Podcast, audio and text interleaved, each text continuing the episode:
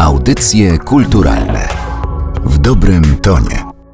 To są audycje kulturalne, podcast Narodowego Centrum Kultury przy mikrofonie Aleksandra Galant. Dzisiaj wybierzemy się w podróż, ale w przeciwieństwie do różnych naszych poprzednich spotkań, to nie będzie podróż w konkretne miejsce na mapie kraju lub świata, ale to będzie podróż w czasie. Do bardzo konkretnego momentu w historii świata, ale tutaj skupimy się na historii Polski. I przeczytam fragment, który bardzo dobrze ten czas opisze. Te 20 lat to jeden z najciekawszych okresów w historii naszej ojczyzny, zarówno pod względem rozwoju myśli oraz przemysłu, jak i twórczości artystycznej. No i chyba nie ma już wątpliwości, że chodzi o lata 20, ten okres międzywojenny między pierwszą a drugą wojną światową od 1918 roku, kiedy Polska wróciła na mapę Europy i odzyskała niepodległość. Będziemy o tym rozmawiać ze sprawą kolejnego tomu serii 20 lat XX wieku. Ten tom nosi tytuł Kultura codzienna dwudziestolecia. Nie chcę absolutnie wartościować i porównywać do poprzednich tomów, czyli do architektury, sztuki, sztuki i mediów dwudziestolecia, ale wydaje mi się, że to jest o tyle ciekawe, że możemy trochę zajrzeć do domów ludzi, którzy w tym dwudziestoleciu międzywojennym żyli. Zastanowić się nad tym, co oni robili, jak spędzali czas, jak się ubierali, z czego korzystali, czym bawiły się dzieci, gdzie spędzano wieczory, popołudnia, czas wolny, co oglądano, jak się bawiono. Słyszycie, że zabrakło mi tchu, bo wymieniać można byłoby długo i długo i długo. Autorką książki jest pani Joanna Żońca, ale jej współtwórcą i autorem grafik, rysunków, ale także całego projektu graficznego jest pan profesor Ryszard Kaiser, profesor Akademii Sztuk Pięknych w Warszawie, wykładowca Polsko-Japońskiej Akademii Technik Komputerowych, a także grafik, autor plakatów, ilustracji i to właśnie on jest dzisiaj waszym moim gościem i zgodził się o tej publikacji, ale także w pewnym sensie o całym cyklu opowiedzieć. Witam w audycjach kulturalnych. Dzień dobry. Zanim zacznę pytać o ten konkretny tom, czyli o kulturę codzienną, zapytam pana, co dla pana ma w sobie te 20 lat, co jako dla artysty jest takie inspirujące, no bo patrząc na te książki, na wszystkie cztery tomy, ale skupiając się na kulturze codziennej, tą inspirację i jakąś taką radość twórczą ewidentnie widać. Zdecydowanie. To był taki okres, kiedy widać, że wszyscy chcieli stworzyć coś nowego, wszyscy zaczynali od zera, mieli masę pomysłów, chcieli scalić też wizualnie różnego rodzaju dziedziny i to rzeczywiście jest czytelne, to jest widoczne. Niektóre pomysły były pierwsze, niektóre rzeczy pojawiły się po raz pierwszy. I paradoksalnie część rzeczy trwa do dzisiaj. Może troszeczkę inaczej wygląda. Generalnie wiele rzeczy już po prostu było 100 lat temu. Ten świat, który Państwo opisują i przedstawiają w książce, wydaje się bardzo plastyczny, przemawiający do wyobraźni, bo myślimy o tym świecie kawiarni, wielkich bali, niezwykłych sukien, kreacji, ale też tego, co pojawiało się po raz pierwszy, co później przez kolejne lata, na przestrzeni lat było udoskonalane do takiej formy, jaką mamy dzisiaj. Tu myślę, że można powiedzieć zarówno o fryzurach i strojach, ale także, no właśnie, o przemyśle czy architekturze. Tak, no jeżeli mówimy o modzie, to chyba wszyscy wiedzą, że są takie fale i niektóre trendy wracają co kilkadziesiąt lat. Z innymi dziedzinami jest troszeczkę inaczej, bo to wszystko jest ściśle powiązane oczywiście z zdobyczami techniki albo z wynalazkami ludzkości bardziej lub mniej szczęśliwymi, które zalewają świat i nie możemy się od nich uwolnić, ale też po prostu zaczynają rzutować na wszystkie przedmioty, czy wszystko to, co nas otacza. Ale na pewno jest to fascynujący okres, który warto zgłębiać i do którego warto zaglądać, ponieważ czasami wydaje nam się, że wynaleźliśmy coś albo coś odkryliśmy dzisiejszego poranka, a okazuje się, że to wszystko gdzieś tam już, już było, tylko trzeba to odnaleźć. Również ze względu na to, co mówiłam na początku, że to dwudziestolecie międzywojenne e, budzi bardzo konkretne skojarzenia, bardzo obrazowe. Wydaje mi się, że ilustracje i projekty graficzne książki, która ten świat i ten czas przybliża, jest szalenie istotna, bo tak naprawdę no, my pracujemy cały czas na wyobraźni. Oczywiście to jest konkretna wiedza do przekazania, no ale my gdzieś uciekamy myślami czy wyobrażeniami do tego świata. I te ilustracje, które pan stworzył, tak pozwolę sobie zapytać najpierw o ilustrację, później o ten cały cały projekt, mają nam w tym pomóc, więc ja sobie uświadomiłam, że no w przypadku wielu ilustrowanych książek one są fundamentalną częścią, ale tutaj, kiedy odwołujemy się do skojarzeń i wyobrażeń, to ma szczególnie dużą wagę. Przygoda z tą książką zaczęła się od pilotażowego pierwszego tomu Sztuka dwudziestolecia od razu pomysł na tę książkę, jeszcze wtedy nie wiedziałem, że to będą kolejne tomy i, i, będę miał przyjemność realizacji następnych tytułów ale od razu ten pomysł był bardzo określony, to znaczy książka, a może i trochę nie książka, bo ta pozycja ma trochę przypominać taki lekki notatnik, gdzie Niektóre rzeczy są po prostu trochę od niechcenia notowane, albo zapisane, albo naszkicowane. I to ma być taka pozycja, którą się ma przyjemnie też kartkować, którą można czytać na marginaliach. Można czytać wszystkie podpisy pod zdjęciami, które są wykonane ręcznie, czyli troszeczkę tak jakby 100 lat temu. Tym piórem i kałamarzem, które Państwo także opisują. Pióro pojawia się od razu w pierwszym tomie, jest nawet zreprodukowane. I to też jest taki magiczny przedmiot, który jest takim kluczem czy łącznikiem z tamtą epoką, ponieważ to jest piórko, czy obsadka do piórka, którą kupiłem kiedyś na targu Staroci, jeszcze jako student, kiedy mieszkałem przy kole, przy targu Staroci na kole w Warszawie. I to jest rzeczywiście przedmiot z epoki, który ma w środku przestrzeń na zapasowe piórka i można go zamykać, zabierać w podróż. Jest pięknym, y, miedzianym przedmiotem, który można zabrać w podróż. I rzeczywiście wszystkie te ilustracje, które są wykonane, czy te notatki, czy zapiski, które są wykonane w tej książce, są wykonane tym piórkiem. Naprawdę? Takim... Tak, tutaj nie ma żadnego oszustwa. Nie myślałam Także- o oszustwie, raczej o pewnej stylizacji na taki piórkowy, odręczny charakter. Nie, nie. To jest rzeczywiście wszystko wykonane ręcznie, potem reprodukowane, opracowane w komputerze. Potem oczywiście cała szata graficzna i wielkości, czy skala niektórych przedmiotów w stosunku do ilustracji, czy w ogóle kolorystyka danego tomu. To wszystko jest potem zaprojektowane oddzielnie. Ale pierwszy etap to jest koncepcja, czyli zaczynamy od głowy, potem jest ręka, czyli to piórko i rysunki. No a potem już po prostu przygotowanie całego projektu do druku i, i zamknięcie całości. Zostanę jeszcze na moment przy tych ilustracjach, bo oczywiście wszystkie one są bardzo wyraziste i bardzo ważne dla książki, natomiast te, które przyciągnęły moją uwagę w sposób szczególny, to są rysunki trzech krzeseł. Trzech krzeseł, które pojawiły się przy opisie polskiej architektury, nurtów czy kierunków w rozwoju tej myśli architektonicznej, też wnętrzarskiej. Mnie, jako laikowi w tej materii, wydało się szczególnie trudnym to, że w tym przypadku odwzorowywał pan modele, które w jakiś sposób zrewolucjonizowały ten świat wnętrzarski, które odbiły się na tej historii, ale też które chyba gdzie niegdzie można jeszcze dzisiaj zobaczyć. Państwo piszą o Pałacu Prezydenckim w Wiśle. Z krzesłami i tak jak z niektórymi innymi ilustracjami, to mogę zdradzić, to jest tutaj taki klucz na tę książkę, że nie zawsze mamy prawa autorskie do ilustracji, albo nie zawsze mamy dobrej jakości zreprodukowane ilustracje. No więc to jest taki nasz sposób też na ominięcie całkiem legalnie tych wszystkich praw. I wtedy to są po prostu moje zapiski, moje notatki. Tak samo jak obecnie bywają muzea, w których jest zakaz fotografowania, nawet bez flesza. Ale bardzo często widać osoby ze szkicownikami, które spędzają tam kilka godzin i po prostu coś rysują.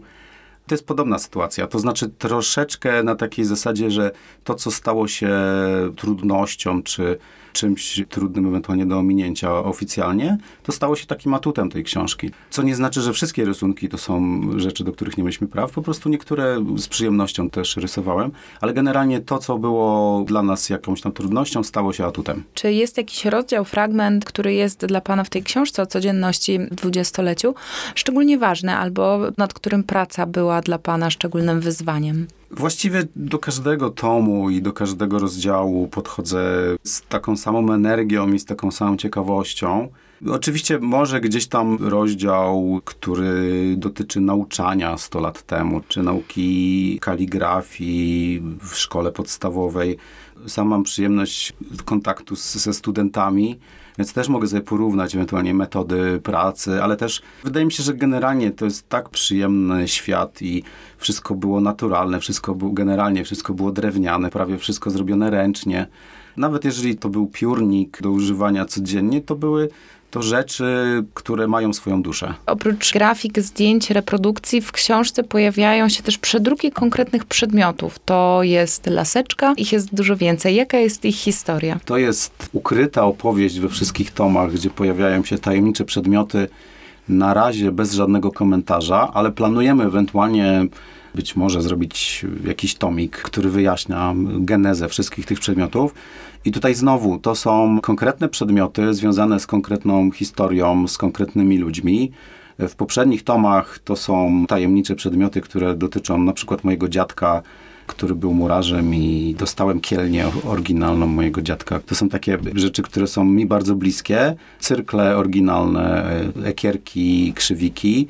A natomiast w tym najnowszym tomie pojawił się nowy zestaw tych przedmiotów. To są oryginalne, sfotografowane przedmioty pani profesor Anny Rudzkiej i jej męża Adama, które są pamiątkami rodzinnymi i rzeczywiście pojawia się tam oryginalna laska, jakaś papierośnica, przyrząd do drylowania jabłek ręcznie, rzeźba, którą się nakładało na adapter i kiedy płyta się kręciła, to ta rzeźba tańczyła po prostu razem z tą płytą. Także to są fascynujące, oryginalne przedmioty, które mają swoją historię i mam nadzieję, że wrócimy w którejś z pozycji i opiszemy szerzej te przedmioty. A pani Anna Rudzka jest córką Józefa Gosławskiego, znanego rzeźbiarza, który też projektował medale i, i monety i to jest właśnie autor, pewnie większość ludzi będzie kojarzyć, pięciozłotówki z rybakiem.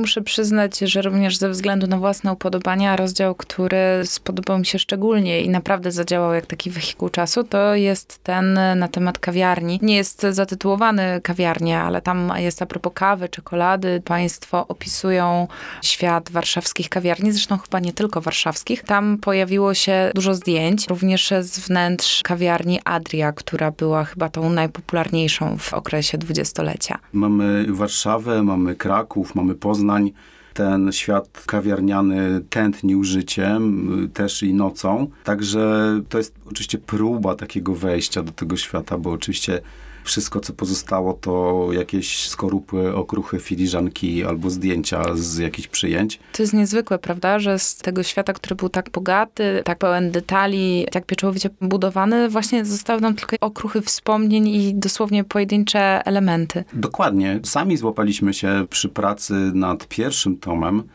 kiedy była opisywana e, jakaś konkretna czekolada i złapaliśmy się na tym, że znamy opakowania, które zostały po tych czekoladach i wiemy, jak mogły wyglądać te słodycze. Natomiast właściwie nie zachował się nigdzie obraz danej czekolady, jak ona tak naprawdę wyglądała, jak to, co było w środku, wyglądało. Także no to są takie, takie sprawy, które rzeczywiście albo mogą pobudzać wyobraźnię, albo po prostu uświadamiamy sobie, jak wiele rzeczy jest efemeryczne, jak rzeczy, które dla nas są oczywiste, później mogą być jakąś tajemnicą, ponieważ się zupełnie nie zachowały. Wspomniał Pan o plakatach. No, książka jest rzeczywiście bardzo bogata i oprócz rysunków pojawiają się zdjęcia, plakaty. No i tutaj mamy też ten cały kawałek związany z wzornictwem, z tym, jak wtedy projektowano, jakie było podejście do sztuki w różnych dziedzinach, bo to jest sztuka użytkowa przede wszystkim tutaj opisana. Architektura, wyposażenie wnętrz, meble. Wyobrażam sobie, że dobór tych plakatów i wycinków tamtego świata to też była duża sztuka. Rzeczywiście wszystkie te przykłady sztuki, bez względu na to, czy to są druki, czy to są rzeźby, czy to są meble, czy, czy architektura, czy wzornictwo, wszystkie te aspekty przenikają się i nie można mówić o jednym samochodzie albo o jednym samolocie, nie poruszając sprawy logotypu Tadeusza Gronowskiego, czy jego plakatów reklamujących proszek do prania. I rzeczywiście ta konsekwencja, czy współgranie różnych dziedzin projektowania, czy sztuki jest naprawdę fascynująca. Pewnie nie każdy wie, że logo Tadeusza Gronowskiego, logo lotu, czyli żuraw lecący w jedną stronę albo samolot, w zależności od tego, które oko zmrużymy, to logo powstało prawie że 100 lat temu i jest używane do dzisiaj. Później oczywiście zostało zmodernizowane, został dodany typografia już po wojnie, ale jeżeli chodzi o sam sygnet, samo logo, ono jest tym pierwotnym znakiem, które zostało zamówione przed wojną przez lotu Gronowskiego. W ogóle sztuka przygotowywania logotypów to jest coś wyjątkowego. Myśmy temu zagadnieniu już kilka audycji kulturalnych poświęcili, ale rzeczywiście warto zwrócić uwagę, że te, które są zaprojektowane w taki naprawdę rzetelny i pomysłowy sposób, zostają z nami przez lata, a tutaj można powiedzieć, że przez wieki. To jest właśnie doskonały przykład i takiego znaku, który no, jest ponadczasowy, bo właściwie do dzisiaj jest wykorzystywany. Nawet zauważyłem, że niektóre kraje, bo kiedyś będąc na lotnisku w, w Bukareszcie widziałem samoloty rumuńskie i mam wrażenie, że Rumuni ściągnęli troszeczkę z projektu Gronowskiego. Pan zajmuje się także plakatami, projektowaniem plakatów i zastanawiam się, jak ta wiedza pozwala panu ocenić, czy też odbierać te plakaty, które powstawały wtedy i które również w książce poświęconej życiu codziennemu w dwudziestoleciu się pojawiają, które zostały przedrukowane i jest ich chyba całkiem sporo. To są perełki, plakaty, które były wykonane ręcznie, najczęściej metodą litografii. Także same w sobie są trochę takimi dziełami sztuki. Podejrzewam, że niektóre, jeżeli się w ogóle zachowały, to zachowało się kilka egzemplarzy oryginalnych, skrzętnie gdzieś tam przechowywanych w muzeach. Każda z tych prac jest po prostu takim małym dziełem sztuki, które było projektowane od zera przez projektanta, później było pieczołowicie drukowane w drukarni. Tak samo to są przedmioty przez wielkie P. W książce pojawia się też wątek reklam. Ta reklama była rozumiana w sposób zupełnie inny, sięgano po inne narzędzia. Pojawiały się ogłoszenia prasowe, były ulotki zrzucane z samolotów. Tych pomysłów były całe mnóstwo, ale nie da się im odmówić pewnej finezji. No a tak jak w przypadku plakatów, właśnie tego wykończenia, tej niezwykłej pieczołowitości. Myślę, że dzisiaj wiele osób myśląc o takich najbardziej popularnych plakatach reklamowych, no to się trochę żachnie, porównując je do tego, co znajdzie w książce. Wszystkim, co było związane z językiem wizualnym, zajmowali się artyści. Tak naprawdę naprawdę to mm, musiało być na wysokim poziomie, ponieważ zajmowały się tym osoby, które były do tego stworzone. Też należy wspomnieć, myślę, że o, i o neonach, które też się pojawiały w miastach. Tak. Które... I też niektóre są z nami do dziś, oczywiście pewnie w takiej odtworzonej, naprawionej wersji, dlatego że neon, który jest nieużywany, po prostu umiera, przestaje działać. Pamiętam, że kiedy w Warszawie na Mokotowie pojawił się neon Wedla, to było duże wydarzenie. To jest akurat świetne posunięcie, że powrócono do Znowu w sumie można by powiedzieć, jaki to jest nowatorski, a jednocześnie stuletni projekt, który świetnie pasuje do, do tej kamienicy nawet dzisiaj. Ta cała kamienica, jej wnętrza i te gorseciki na podłodze, wszystkie elementy, które na szczęście może zachowały się po wojnie to rzeczywiście są elementy, które powinniśmy znać, które powinniśmy dotknąć, a jeżeli nie wolno dotykać, to chociaż dotknąć okiem na żywo. Wadal jest też świetnym przykładem takiej ponadczasowości. Ja się z książki dowiedziałam, że logo tej e, wytwórni słodyczy to jest podpis jednego z właścicieli, który w ten sposób, sygnując Ewedel, chciał potwierdzić autentyczność swoich produktów, bo już wtedy pojawiały się podróbki oczywiście dużo gorszej jakości. E, no a propos tych wedlowskich neonów, to jest jeszcze chłopiec na zebrze. Firmy zamawiały projekty graficzne u, u konkretnych grafików i nie bały się zaryzykować trochę, żeby ktoś wymyślił na przykład, że chłopiec jedzie na zebrze z, z czekoladą, prawda?